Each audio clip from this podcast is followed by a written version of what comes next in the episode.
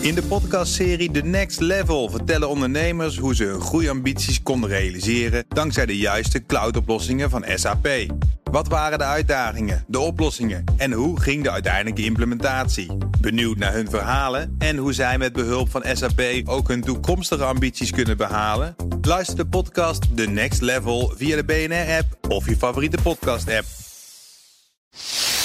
Welkom bij de Technoloog nummer 335. Hallo Herbert. Haben. We gaan beginnen. We hebben Bob Hardes te gast. Bob, je bent SEO-specialist.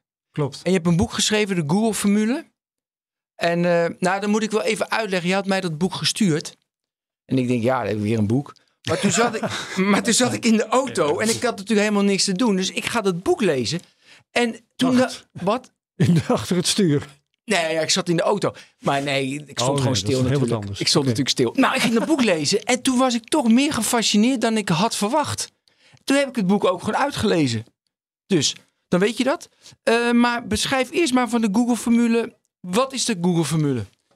Eh, de Google-formule bestaat niet als zodanig. Dat staat op je boek, op de kaf, dus Ja. moet je me ook vertellen nu. Zullen we even vertellen, de- deze, deze podcast gaat over eh, advertenties die door AI worden gegenereerd. Ja. Hè? Daar Ja. gaan we het over hebben. De future of advertising, AI, eh, generatie, eh, advertenties. Hoe moet Google eruit zien? En, En we beginnen bij de En Google-formule. marketing en AI als, als geheel. Hè, hoe die processen gaan veranderen. Zo heb ik het begrepen. ja, prima. Als ik het terughaal naar de Google-formule die als zodanig niet bestaat. De uitgever zei op een gegeven moment... Ja, we gaan, wat, wat voor titel gaan we doen? Het geheim van Google. Dus zei ik, nee, dat, dat kan niet. Het is sowieso een formule. Maar het is niet één formule. Het zijn heel veel formules die in elkaar grijpen. Dat zijn eh, zeg maar de rankingsignalen waar we waarschijnlijk nog over te spreken komen. Maar het is ook de formule van het bedrijf Google. Hoe Google de bedrijfsvoering Ja. in de afgelopen 25 jaar heeft gevoerd. Het Ja. verdienmodel. En het verdienmodel wat daar een gevolg van is. Maar wat niet aan de basis ligt van Google. Want als je verdiept in Google, dan krijg je toch een soort van hart voor de zaak.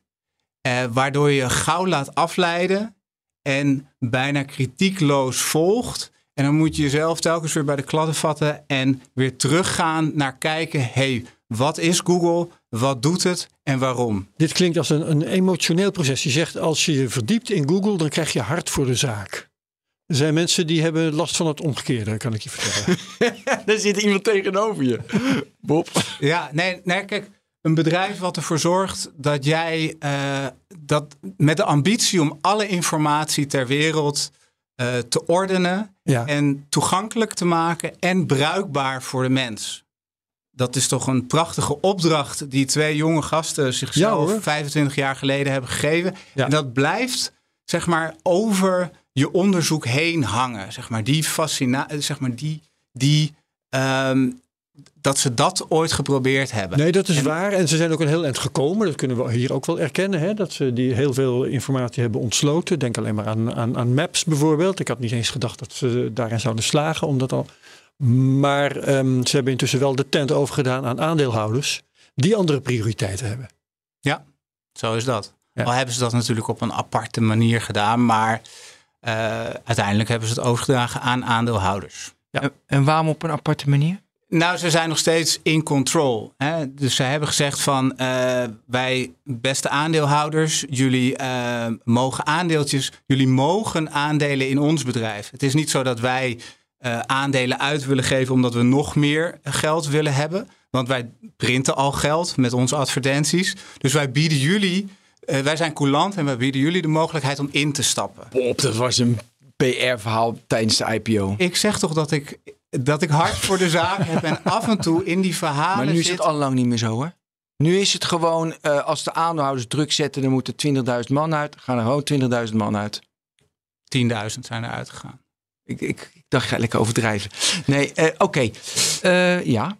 Maar ik wil ook even naar die formule. Gewoon naar de, de formule. formule. Want dat vind ik Kom op. leuk. Weet je, gewoon ja, eh, PageRank, de formule. Jij zegt, er zijn heel veel formules. Leg uit. Wat Ja. moet je doen? Weet je, als ik een, een, eh, een website Als jij, heb. als jij een minister-president wilt worden, Ja, dan heb we, je we heel gaan veel- minister, we gaan Herbert minister-president maken. wat, wat heeft hij dan nodig? Heel veel stemmen. Ja. En Sure. in feite is dat het, eh, le- de leidende formule van Google is via links. Elke link is een stem. En hoe meer stemmen op Herbert, hoe sneller hij minister-president wordt. Of laten we een president maken. Hè, want dan krijgt hij ook nog voorkeursstemmen die nodig zijn rechtstreeks op Herbert en niet op een partij. Hij wil heel populair Nederland. worden bij boeren. Dan eh, zullen wij ervoor zorgen dat de voorkeurstemmen, dus de linkteksten, stem op Herbert voor boeren. Boeren Herbert. Eh, nummer 1. Als dat de linktekst is, dat het klikbare gedeelte. En die gaan bijvoorbeeld naar jouw website waar iedereen al digitaal op jou kan stemmen. Want dit is een campagne voor over acht jaar.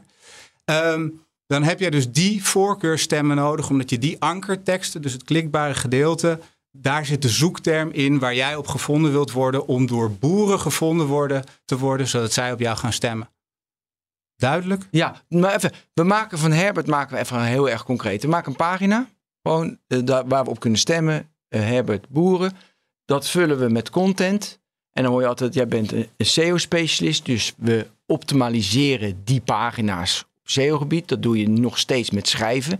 Dat doe je nog niet met ChatGPT automatisch. Of straks wel, gaan moeten we het straks Nou, over hebben. Ja, daar gaan we het straks. Straks? Schrijven doen we iets minder. Ja, dus hoe optimaliseer je dan die pagina van Herbert dat iedereen naar die pagina komt? We willen eerst weten. eh, Herbert die gaat eh, eh, zeg maar een partij voor de boeren zijn. Want hij heeft gezien dat er Zover. dat er voldoende, laten we het noemen, zoekvolume is om eh, eh, ehm, met deze doelgroep minister-president te kunnen worden. Dus dan gaan we uitzoeken, wat zoeken zij nou feitelijk als zij willen stemmen voor een partij voor de boeren, dus voor Herbert. Dus we, een, een zoekterm, dat zal waarschijnlijk zijn Partij voor de Boeren. Lijkt me ook een uitstekende naam. Ehm, dan zorgen we dat de website van Herbert niet ehm, geoptimaliseerd is op Herbert of eh, alle dingen die hij interessant vindt, maar op Partij voor de Boeren. Want we hebben eh, eh, Ja. uitgevonden dat dat de zoekterm is waarop hij eh, zijn En eh, Google heeft kiezers een- kan vinden. En Google heeft een tool hè, waarbij je kan waar, zoeken waar mensen op zoeken. Ja. Zodat we hem dan op Partij van de Boeren, dat we hem daarop... eh Ja, en dan zorgen we dat alle teksten en alle plaatjes en alle afbeeldingen in feite eh, geoptimaliseerd zijn voor de termen die Herbert nodig heeft om minister-president te worden. Volgens de strategie, mijn stemmers zijn voor de boeren of boeren zelf. En de formule die daaronder zit, kun je daar meer over vertellen? Dat- zijn honderden formules. En eh, ehm, er zijn een aantal ehm, ehm, eh, kernformules waarvan we dus nu bespreken PageRank. Je hebt de oprichters Sergey Brin, Larry Page. En in hun eh, oorspronkelijke paper, wat waarschijnlijk veel mensen kennen, wat eh, zeg maar eh, de, de eerste formules van de zoekmachine beschreef. Daarin werd aangegeven van PageRank is, het, is de belangrijkste formule. Die is leidend als rankingfactor. En die gaat erom dat je zoveel mogelijk links van, van de ene website naar jouw website krijgt. En links met die voorkeurstemmen. Dus waarbij de, de linktekst het keyword bevat. Ja, dat is eh, toch langzamerhand niet meer zo. Ik dacht dat PageRank langzamerhand wel verouderd en, en minder eh, belangrijk was. Ja, in, in 2012 eh, konden we opeens als SEO-specialisten... PageRank ging heel netjes van 0 tot en met 10. Dus het FD had PageRank 7. De Volkskrant had 8. De Telegraaf had 6.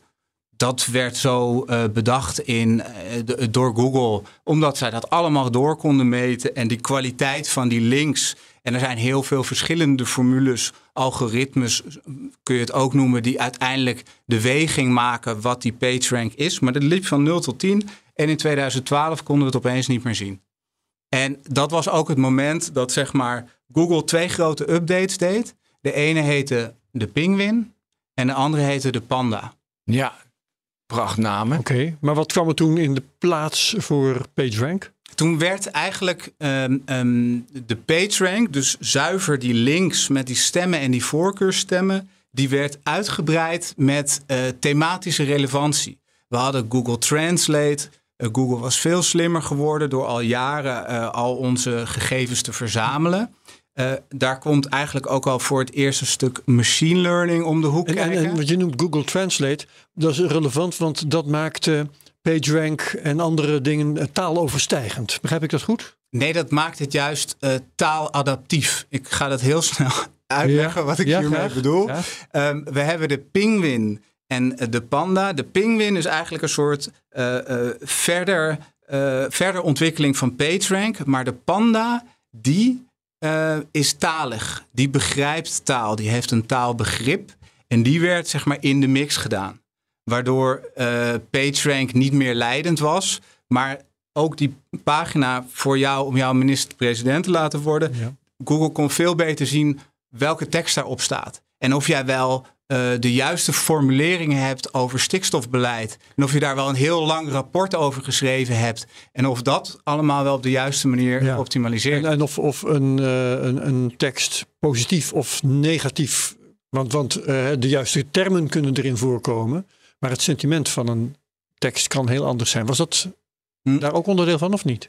Voor zover ik weet is sentiment eh, nog niet iets wat Google eh, feitelijk als een eh, rankingfactor meeneemt. We Oh. hoeven geen blije websites te maken om op nummer 1 te komen. Ja. Oké. ehm, waar zijn- Oké, en waar zijn we nu? We zijn nu bij die bij die formule. Dus dat zijn er daarna, je zegt honderden, maar noem me dan nog eens een- dingen die allemaal meespeelden. Ehm, eh, hoe snel laat je website? Oké, gewoon die standaard Ja, dingen. en, en eigenlijk zijn dat allemaal eh, signalen die de afgelopen jaren daarbij bij zijn gekomen. Dus dat heeft Google genoemd de core web vitals. Dus zeg maar de vitale Heel onderdelen eenvoudige technische dingen dus. van je website, die zijn belangrijker geworden. Aha, ja. En Google geeft al die signalen zeg maar weer en bouwt daar ook allemaal websites voor waardoor je dat kan, waar je dat kan testen en doormeten. En je krijgt eh, eh, CLP's en LCP's. Dus dat zijn eh, content layout eh, shift en allerlei metrics waarmee je kunt zien hoe snel je pagina laat of een foto mooi inschuift of die goed is voor mobiel.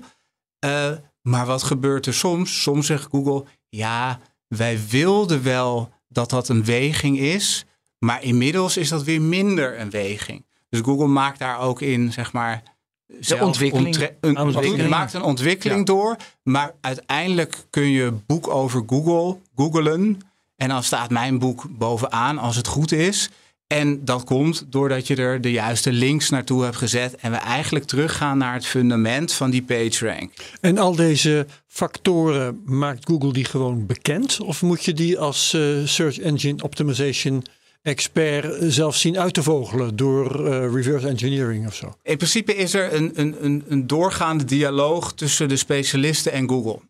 Eh, zij hebben allerlei teams die zeggen van wij zijn jou aan het opsporen als jij eh, probeert te manipuleren. Maar wij hebben ook allemaal conferenties waarbij we vertellen wat we doen. In Nederland heb je Friends of Search. Daar komt ook wel eens een, een conferentie voor eh, SEO en CA specialisten. CA is Search Engine Advertising, SEO is Search Engine Optimizing. Die komen daar vertellen hoe Google werkt of hoe Bing werkt. Dat, dat is een dialoog. Want Ja. het is natuurlijk ook, je, je, doet het met elkaar. Nou ja, ehm, aan de ene kant ehm, eh, is ja, ook prima als, als Google dit soort informatie openbaar maakt. Maar het is natuurlijk wel een beetje raar dat als je dan eh, zegt: Oké, fijn dat ik weet hoe het werkt. Daar ga ik mijn pagina's mooi stevig op afstemmen. Dan staat er weer een straf op. Al- Als het verandert. Als het veranderd is, bedoel je? Of hoe? Nee, ik dacht dat je zei: eh, Google, zegt, Google zegt tegen jullie: eh, als, je het, eh, als je het te gek maakt, dan, dan eh, zwaait er wat. Of zei je dat niet?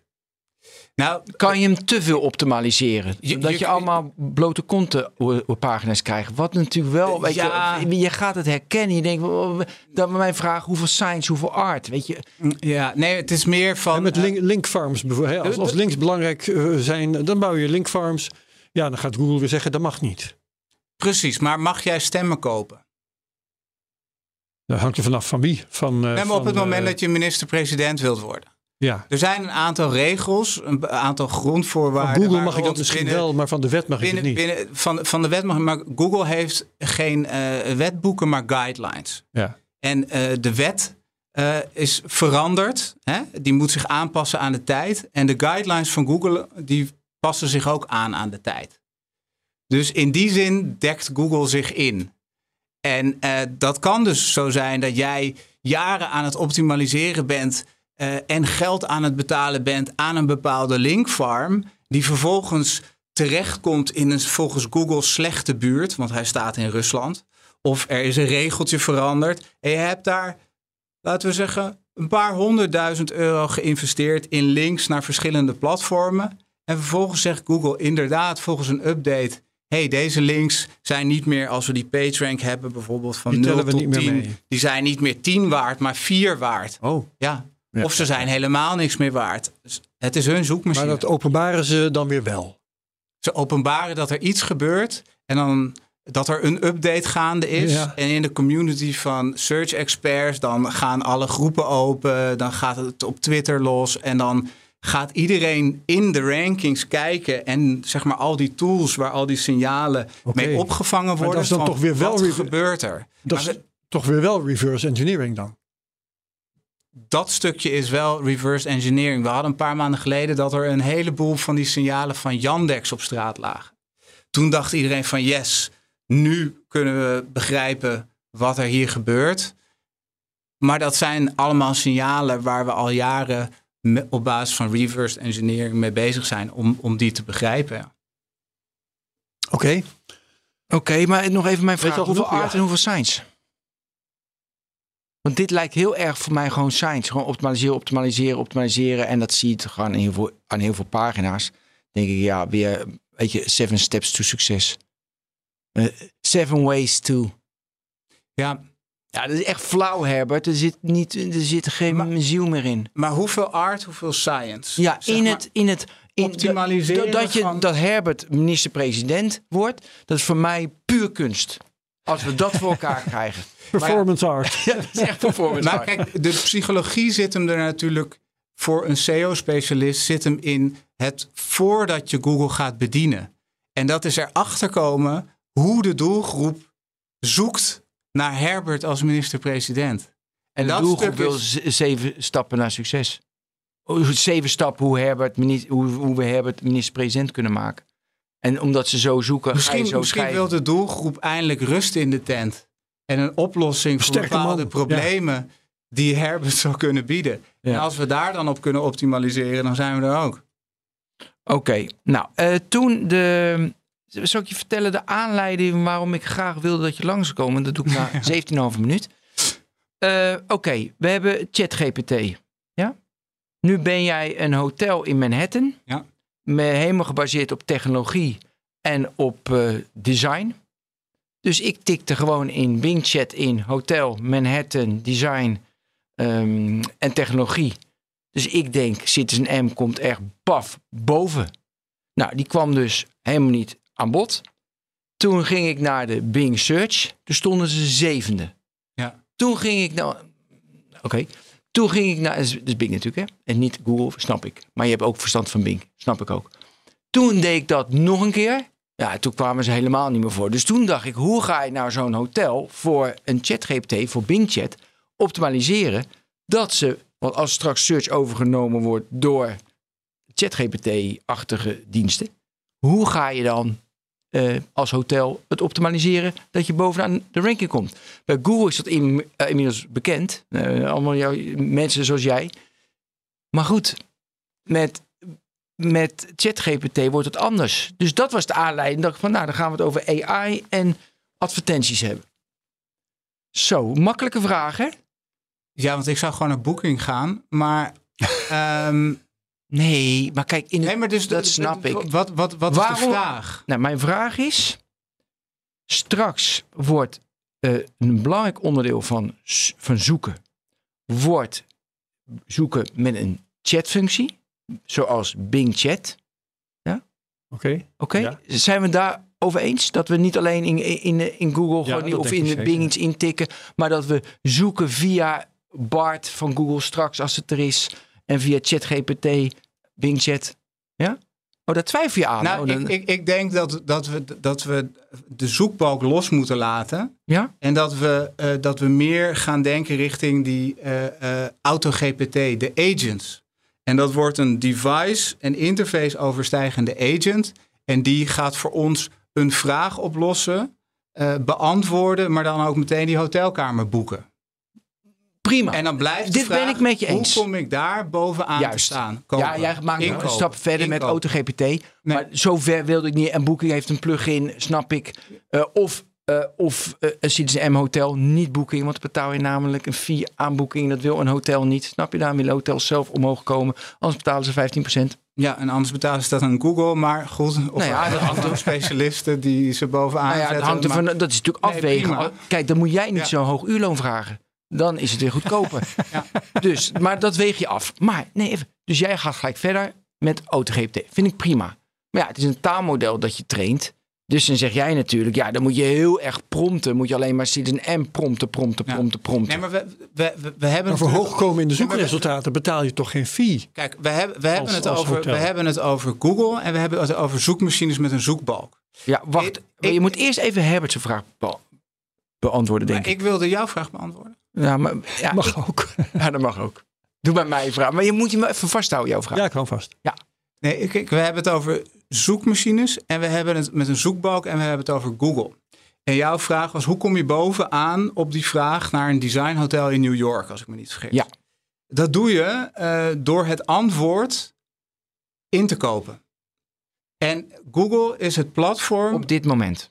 Wa- wat jij als gebruiker vertrouwt. En eh, Herbert of iemand anders vertrouwt op dit moment misschien Bing. Ja. En straks vertrouwen we misschien een van de andere platformen. Klopt. Dat is op dit moment zo. Nee, want op dit moment eh, zijn er nog geen advertenties mogelijk in de chatbot. Nee, maar kijk, mijn concrete vraag is: hoe kom je in een chatbot als ik zoek op Manhattan Design Hotel?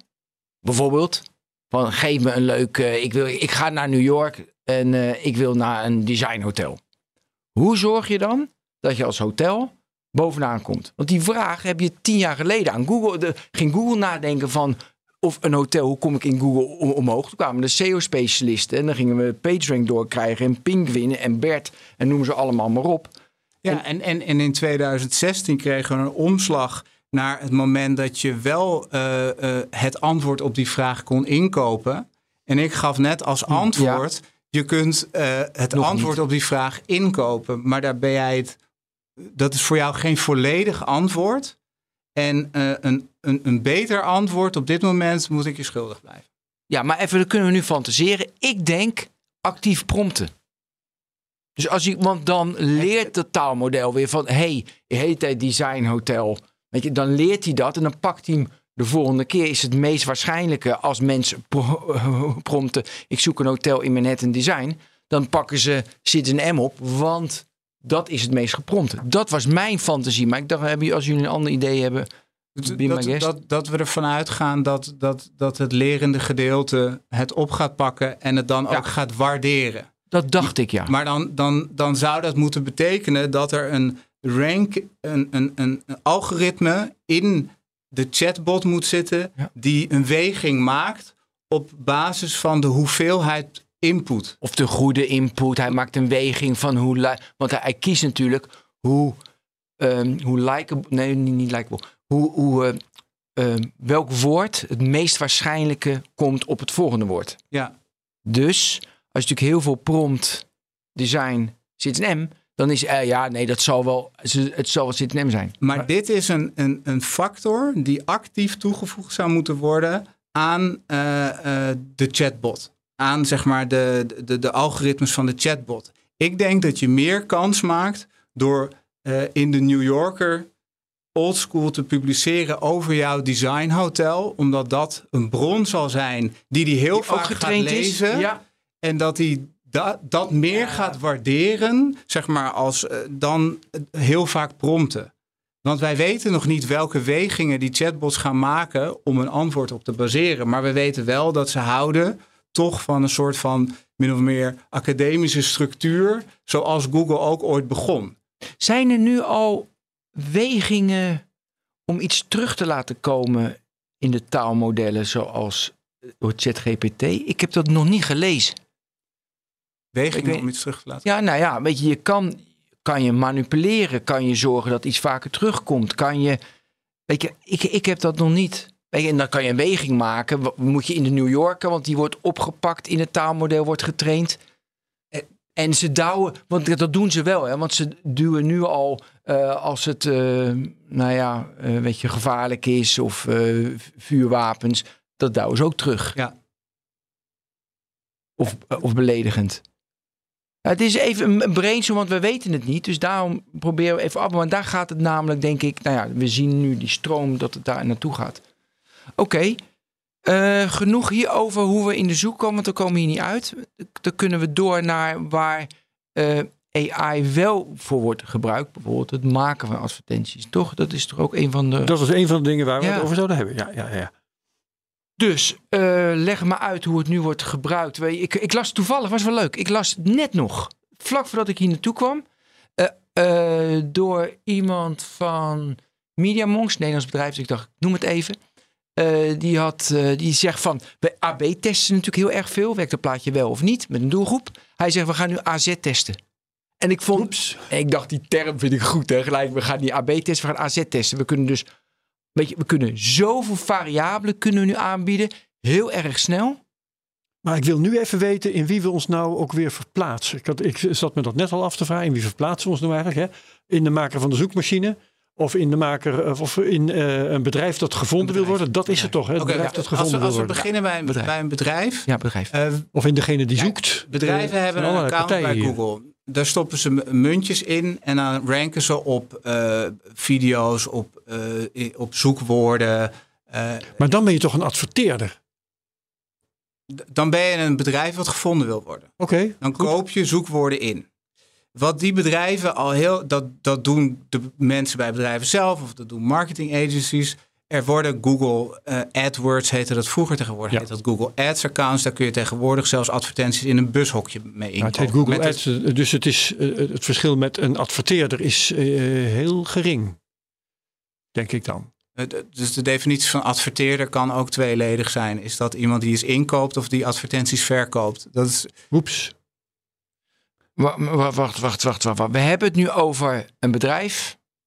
Die hoog wil komen in Hoog Google de zoekresultaten. In de zoekresultaten waarvan ik denk dat ze worden eh, gemaakt op basis van het belang van eh, eh, een, We, we, een- we hebben een bedrijf dat verkoopt vraag. terrasstoelen van Steigerhout. ja. Nou, Die heeft een accountje bij eh, Google.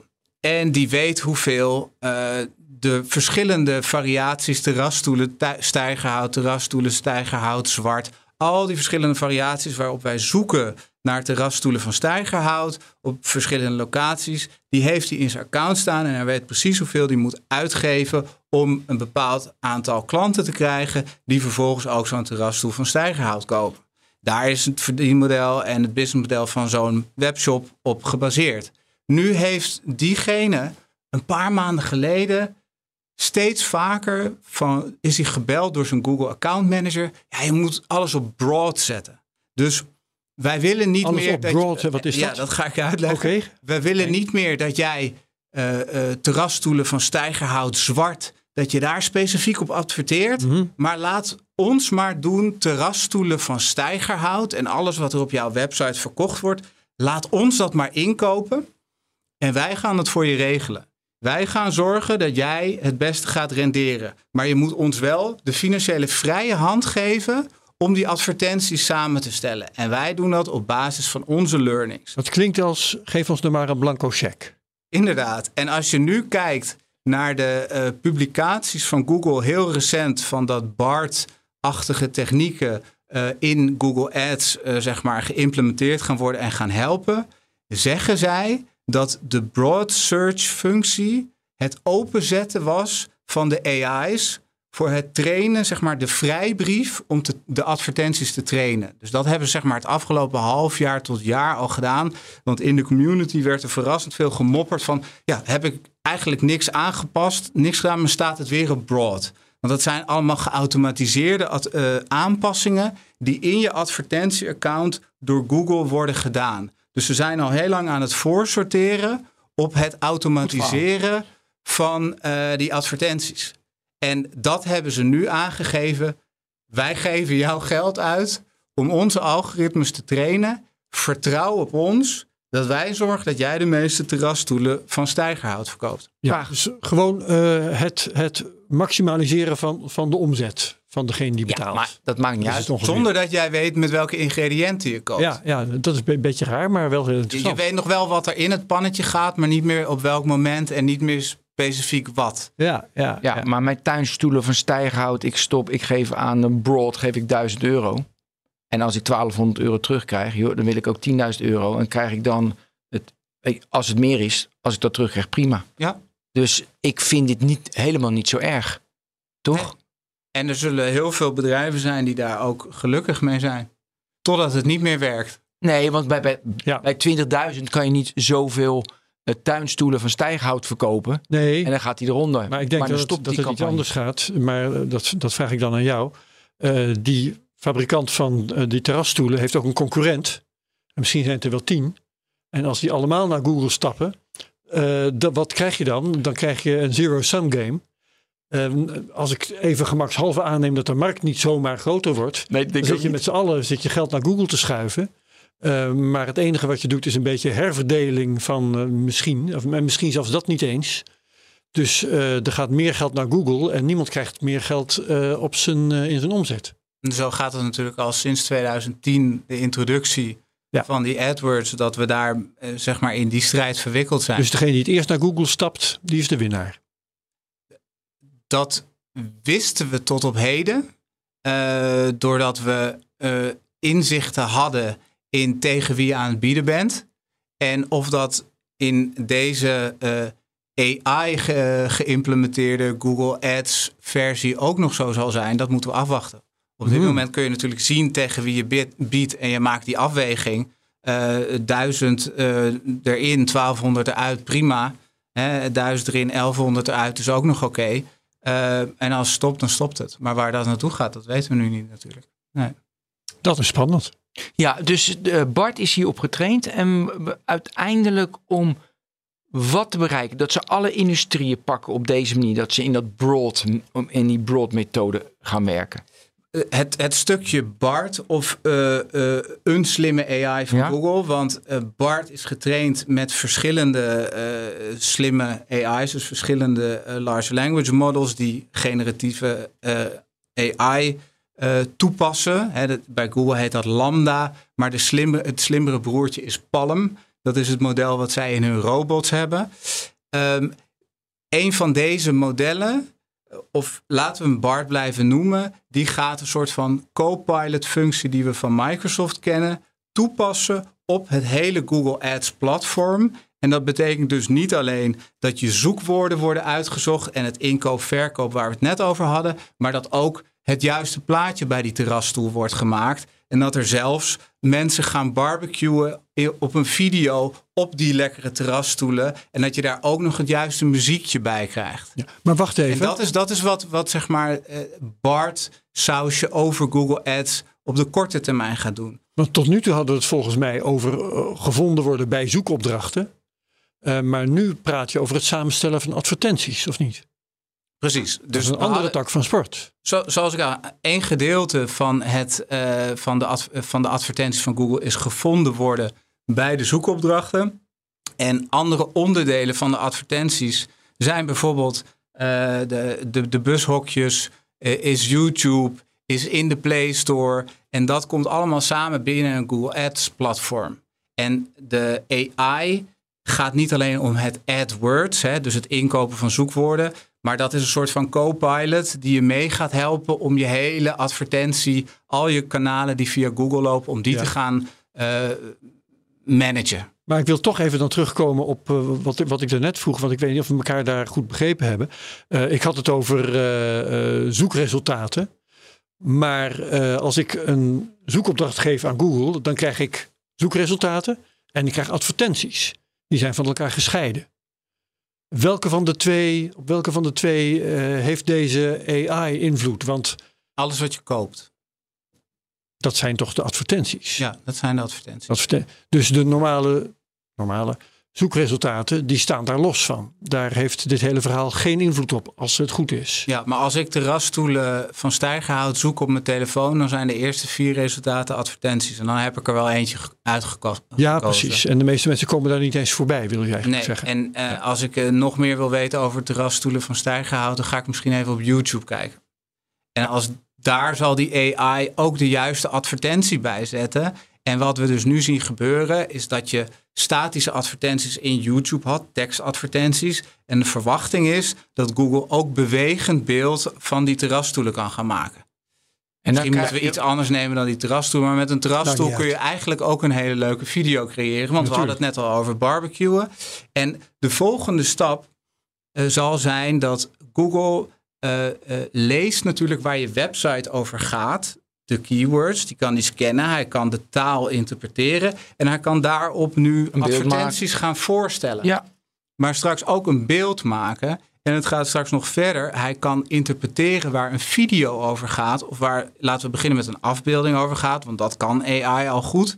Straks kan AI ook goed video's interpreteren. En dan kan die daar ook weer de juiste advertenties die bij een video aansluiten. En straks ook de juiste advertenties die bij de inhoud van een podcast aansluiten. Omdat die ook kan luisteren. Fijn, En dan komen we pas een eind met zeg maar AI in Google Ads. Dus dit stukje is een soort amuse Mhm. van een heleboel wat we al deden, een heleboel wat eigenlijk al AI was. Dat wordt nu AI genoemd.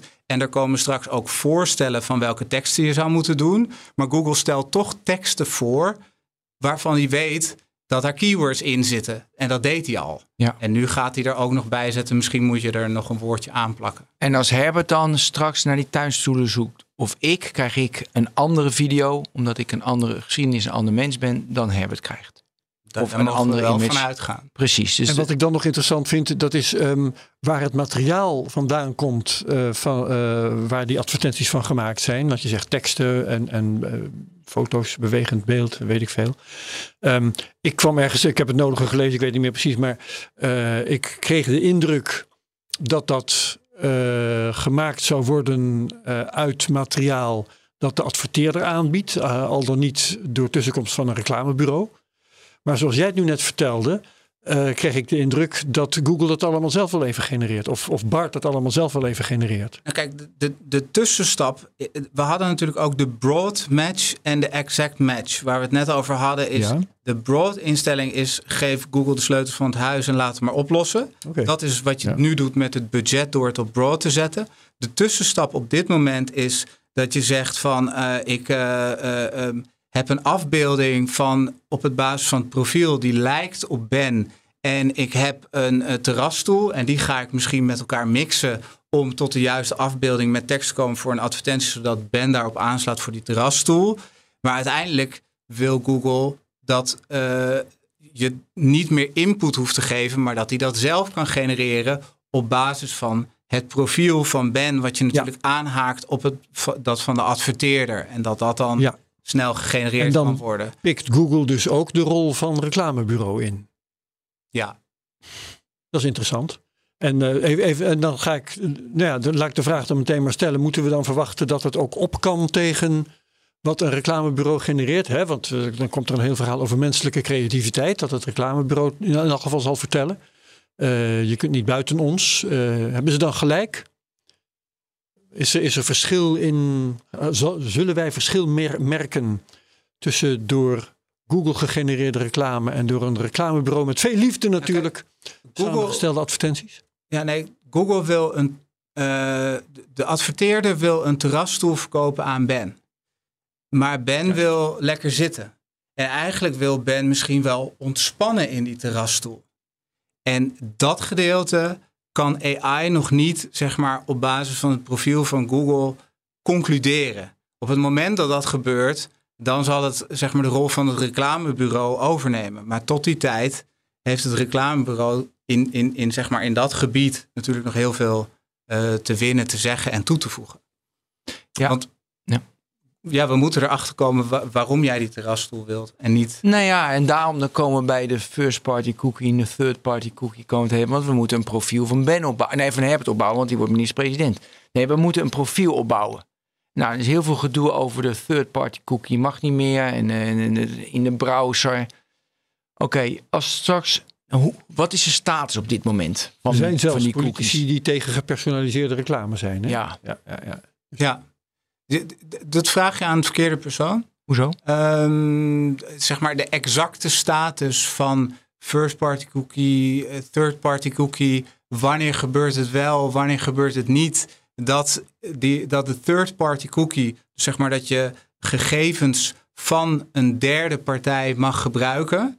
Hè, dus dat je zeg maar gegevens kan inkopen over gasten die jij nooit in je, in je restaurant hebt Ja. gehad.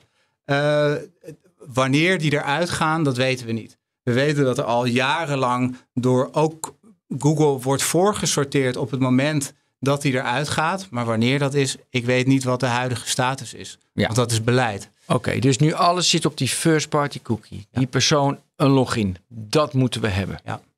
En dan zeg eh, maar dat, wa- wat Google wel heeft in de browser. Weet je, als je in, eh, in, die, in die browser zit, zie ik wel wat je allemaal in die browser doet.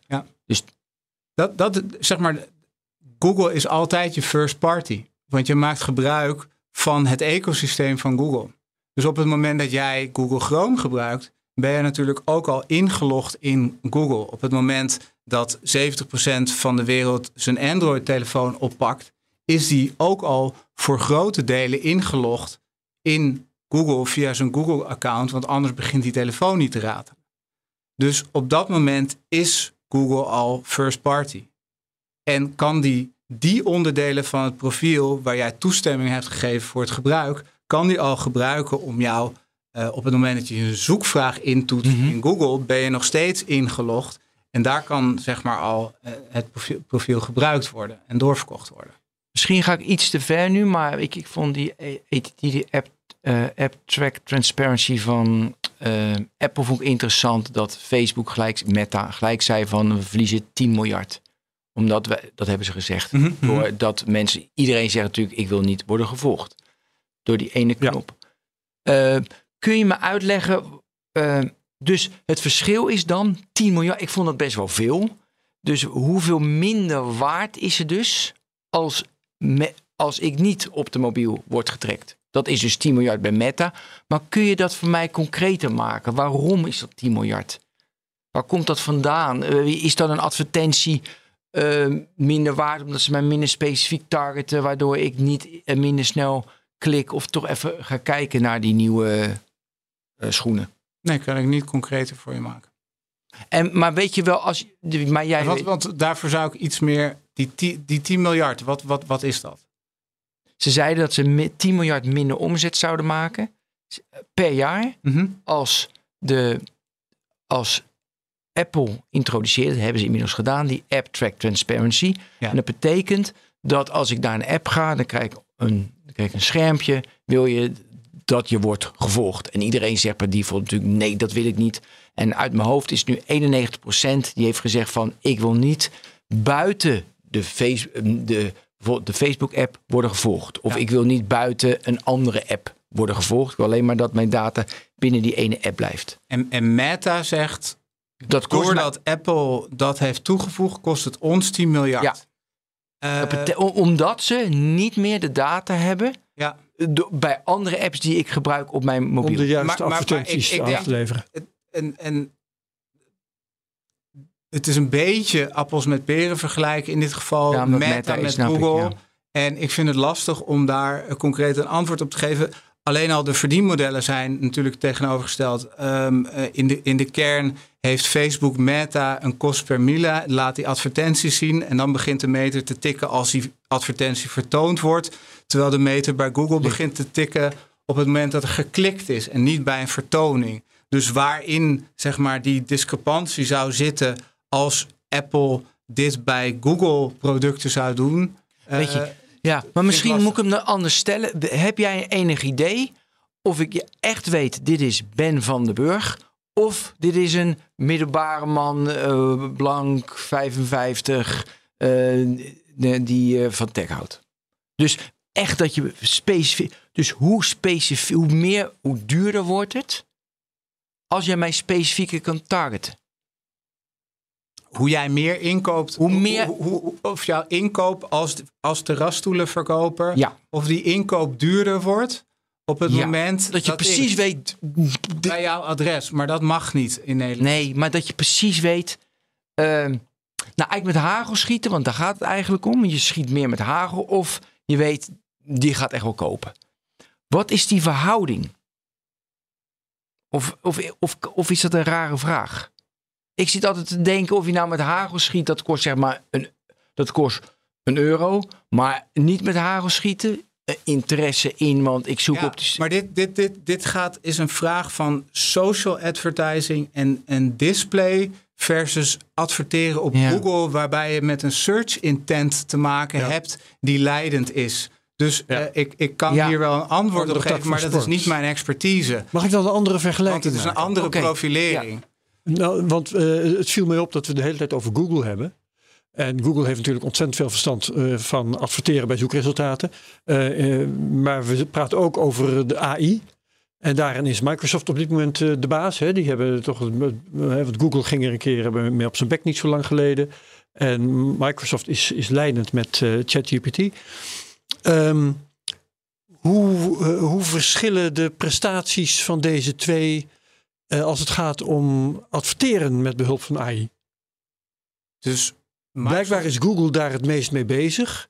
Maar Microsoft zou toch geen, nog niet veel moeite moeten hebben om dat adverteren erbij onder de knie te krijgen. Want die hebben de beste AI. Die hebben de beste AI, maar er zit nog niemand in hun zoekbalk.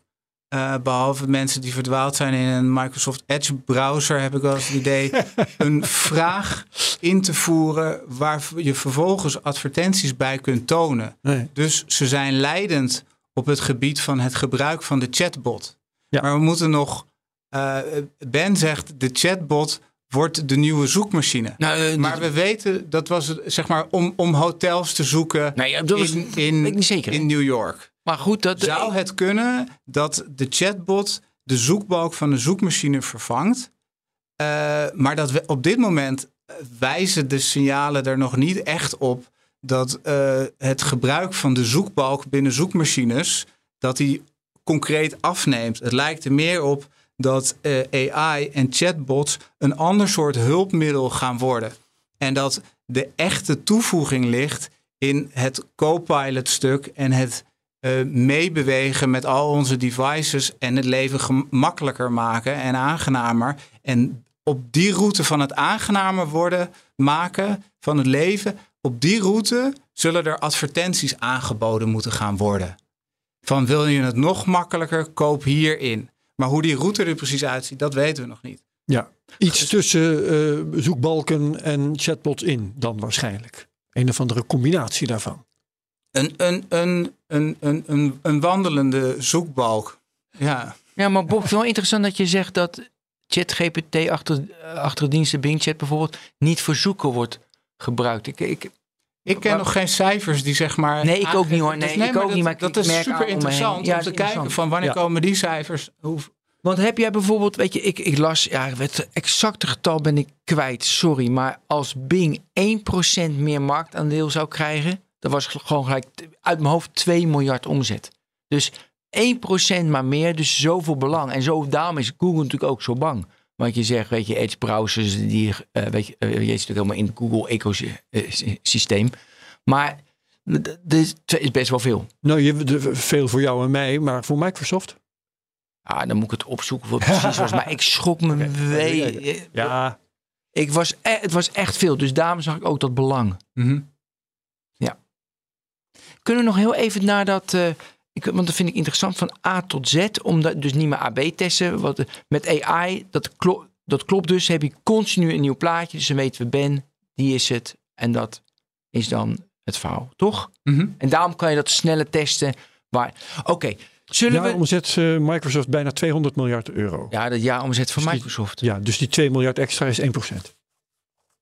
200 miljard is 70 miljard minder dan die van Google. Mooi dat je dat uit je hoofd weet. Hey, zullen we nu even de laatste 12 minuten, nu, nu ook even de consequenties en de gevolgen. Willen we dit als mensheid allemaal wel? En daar bedoel ik heel erg van dat verschrikkelijke optimaliseren. Ze hebben al jouw data. Uh, je wordt genudged, gemanipuleerd. Opdat de omzet 270 miljard is. Dat je uit je hoofd weet. Uh, willen we dat wel? Wat, wat, is je mening daarover? Ik heb je boek gelezen, hè, dus je kan geen andere dingen zeggen. nou, in, in, in het boek vertel ik natuurlijk ook wat Google doet in andere sectoren, zoals mobiliteit, gezondheid, zorg. En ik stel daarin ook de vraag: de versnelling die Big Tech, dus niet alleen Google, maar die Big Tech kan maken om uh, uh, nieuwe oplossingen, het zijn de gezondheidszorg, in de mobiliteit, te enablen en, en beschikbaar te maken, uh, die willen we. Want we willen betere behandelmethodes tegen, voor, voor ziektes. We willen beter rijdende auto's. Um, maar we betalen daarvoor met de groei van deze bedrijven. Die groeien doordat wij van hun oplossingen gebruik maken. En we betalen op een of andere manier met onze data. En we betalen op een of andere manier met onze data. Maar onze data is ook nodig om uh, uh, AI's en algoritmes, zoals ze uh, ook genoemd werden voordat AI zeg maar de, de, de, de standaard werd om aan te duiden wat computers doen.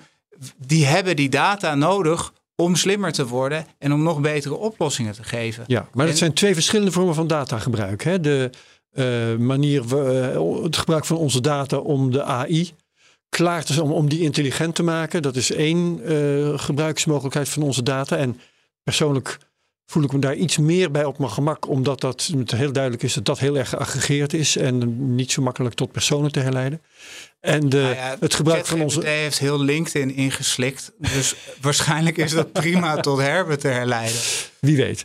Um, maar het, uh, gebruik van onze data om uh, de advertenties gepersonaliseerd te maken, is een heel andere soort gebruik van data, toch? Ander soort dan het. Uh, dan het gebruik van data om de AI intelligent te maken. Het is exact hetzelfde gebruik van data. Ja? Want eh, de, de gepersonaliseerde data die Google gebruikt, die wordt ook gebruikt om hun AI's te trainen, zodat zij nog weer betere diensten kunnen leveren, zodat jij weer terugkomt. Uh, maar dat blijft natuurlijk gewoon gebruikersdata. Dus de data waarmee jij nu een chatbot traint, is dezelfde data als waarmee jij een zoekbalk traint. Daar zit niet zoveel verschil tussen feitelijk. Oké. Nou ja, dat zie je in die. Ja. Nee, maar misschien zit er gevoelsmatig een verschil ja, tussen. Blijkbaar wel. Maar uh, uh, er, er, wordt wel nagedacht over wat zijn de verdienmodellen van chatbots. Uh, we kunnen eventueel advertenties tonen. We kunnen. Um, wat kunnen we nog meer met, met, met de chatbots? subscriptions. Subscriptions. Zijn er nu al. Hè, en ja. zeg maar. Bedrijven, API's, dat wat plugins. En, en, en er wordt ook wel gedacht van en chatbots kunnen hun data gaan verkopen. En uh, wat heb jij dan allemaal dan aan die chatbot gegeven? Want ja, ja, hebben we het over data inderdaad van wat een bepaald persoon in die chatbot heeft uh, gestopt aan vragen. Precies, en dat is precies hetzelfde. En dat bedoelde ik, wat we voor data aan Google geven. Uh, en waar zij vervolgens hun advertenties mee personaliseren. Precies diezelfde data en misschien nog wel intiemere data of explicietere data over bedrijfsprocessen stoppen wij op dit moment in chatbots, in ieder geval generatieve AI zoals uh, ChatGPT, om een lekker tabelletje terug te krijgen. Maar dat zijn wel misschien bedrijfsgeheimen die jij in ChatGPT gooit, zodat hij daar een uh, tabelletje van maakt. Maar je bent die data wel kwijt. Net zoals jij de data kwijt bent op het moment dat jij uh, vraagt wat straks de snelste route naar huis is aan uh, Google Maps. Of als jij straks vraagt waar het leukste restaurant is op loopafstand, ook aan Google Maps, waar jij straks, et cetera. Dat zijn dezelfde, dat is dezelfde interactie. Ja. En we weten nog niet of die data, hoe die data gebruikt gaat worden. De, de, de, maar, we vertrouwen weer is... blindelings op de platformen die ons die chatbots aanbieden. Maak jij je daar zorgen over? op,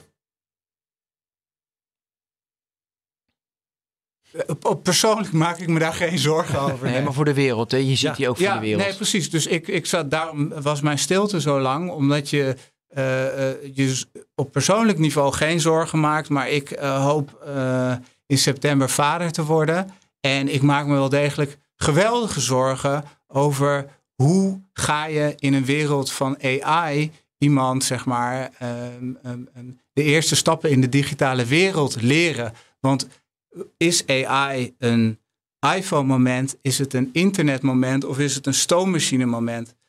Zij groeit straks op in een wereld waarin we de eerste eh, eh, eh, lijnen zien van welke impact dit gaat hebben. Want wij weten nu feitelijk nog niks. Dus je hebt, je hebt straks een, een dochter zo te horen. Ja. Ehm, wat ga jij nu jij weet dat die op, zal opgroeien in een wereld van AI? Wat ga je nou misschien anders doen in de opvoeding dan als die AI er niet was? Ehm, het, het, het is mijn eerste kind, dus ik ga niet iets anders doen in de opvoeding. nou, je weet misschien ga- hoe je het anders gedaan ja, wat zou is je hebben. beeld? Ja, ja, ja. Wat, Nee, en, en daarin Wat zat, zeg maar ook, die wetenschap. Nee, maar daarin zat misschien ook die stilte van mijn vraag. Ik zat na te denken, kijk, ik accepteer een wereld die volledig gedigitaliseerd is en AI is daarin een volgende stap. Het is inevitable. Mhm. Ik heb ook, eh, zeg maar, in, in mijn eh, eh, realistische dagdromen zeg ik altijd tegen mensen, doodgaan, dat hoeft onze generatie al niet meer, want we zijn, zeg maar, een gedeelte van ons bewustzijn is straks downloadbaar. Eh, dus zeg maar, het is een vertrouwen in de technologie. Dat als je het maar lang genoeg uitzit, dat je dan in ieder geval dat stukje kunt borgen eh, via eh, een- download. Dus een filosofische discussie die ik graag een keer met je zou voeren Ja. tot het gaatje. Maar dat gaat nu nee, Nee, ja, niet Op meer. het moment dat het natuurlijk over je kinderen gaat, dan neig je al snel naar eh, de, de- zeg maar gro- grote gedachten. Maar ik, ik bedoel het toch heel concreet maken, zeg maar de acceptatie dat we in een digitale wereld leven, waarmee we dus moeten omgaan met de veranderende status quo van die technologie. En we moeten dus goed doorhebben wat de impact van AI is. Ja. Maar we kunnen niks anders dan hem omarmen en zeg maar eh, eh, eh, eigen te maken. Ja. Maar op wat voor manier gaat jouw dochter straks rekening houden met Ja. het bestaan van AI? In ieder geval gaat het een AI leren kennen waar ze hopelijk beter op kan vertrouwen dan wij nu. Ik probeerde een paar weken geleden mijn btw-aangifte te doen. Achterloos gooide ik zeg maar alle cijfertjes in ChatGPT. Ik doe dat graag nog zelf. Ik denk, nou, dat komt terug. En toen hoorde ik in een van jullie uitzendingen Jelle Prins zeggen... ja, rekenen kunnen ze niet goed, zo goed, die taalmodellen.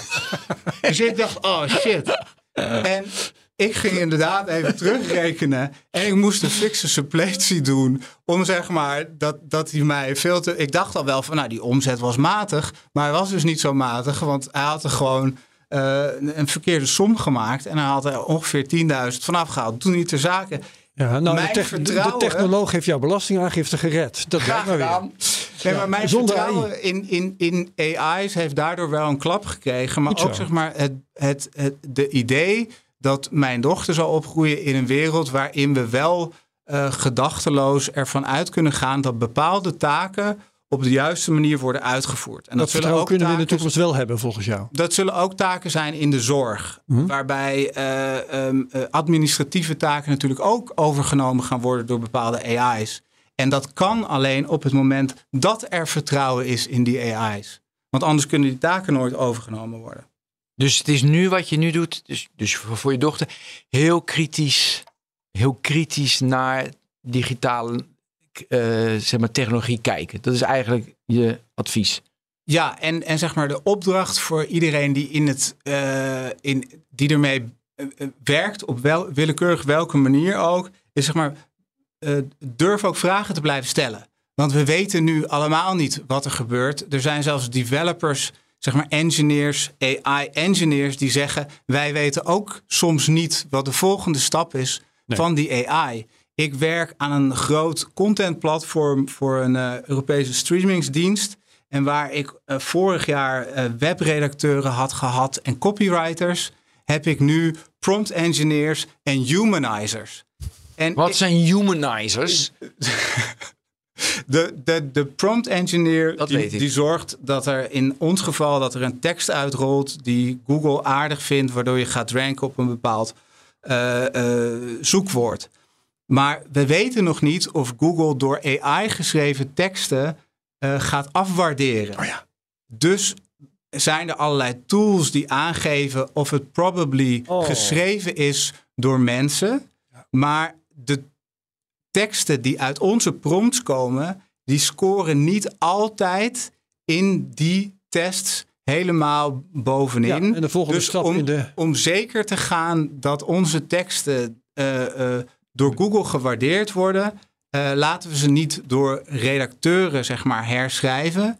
Maar hebben we wat wij in het team humanizers noemen, die eigenlijk die testscores waarborgen. En die teksten omschrijven op basis van die formules die ervoor zorgen dat het Ja. probably wel is. redacteuren dus en de gewoon. volgende stap die in die humanizers wapenwetloop is dus weer de humanizer detectie. Ja. Ja. Wat Waarmee deze technoloog een open einde heeft. Jezus man. Oké, eh, Bob, hartens bedankt. Fascinerend. Herbert bedankt. Ben van Burg. Dit was Technoloog 335. Tot de volgende Technoloog. Hoi hoi.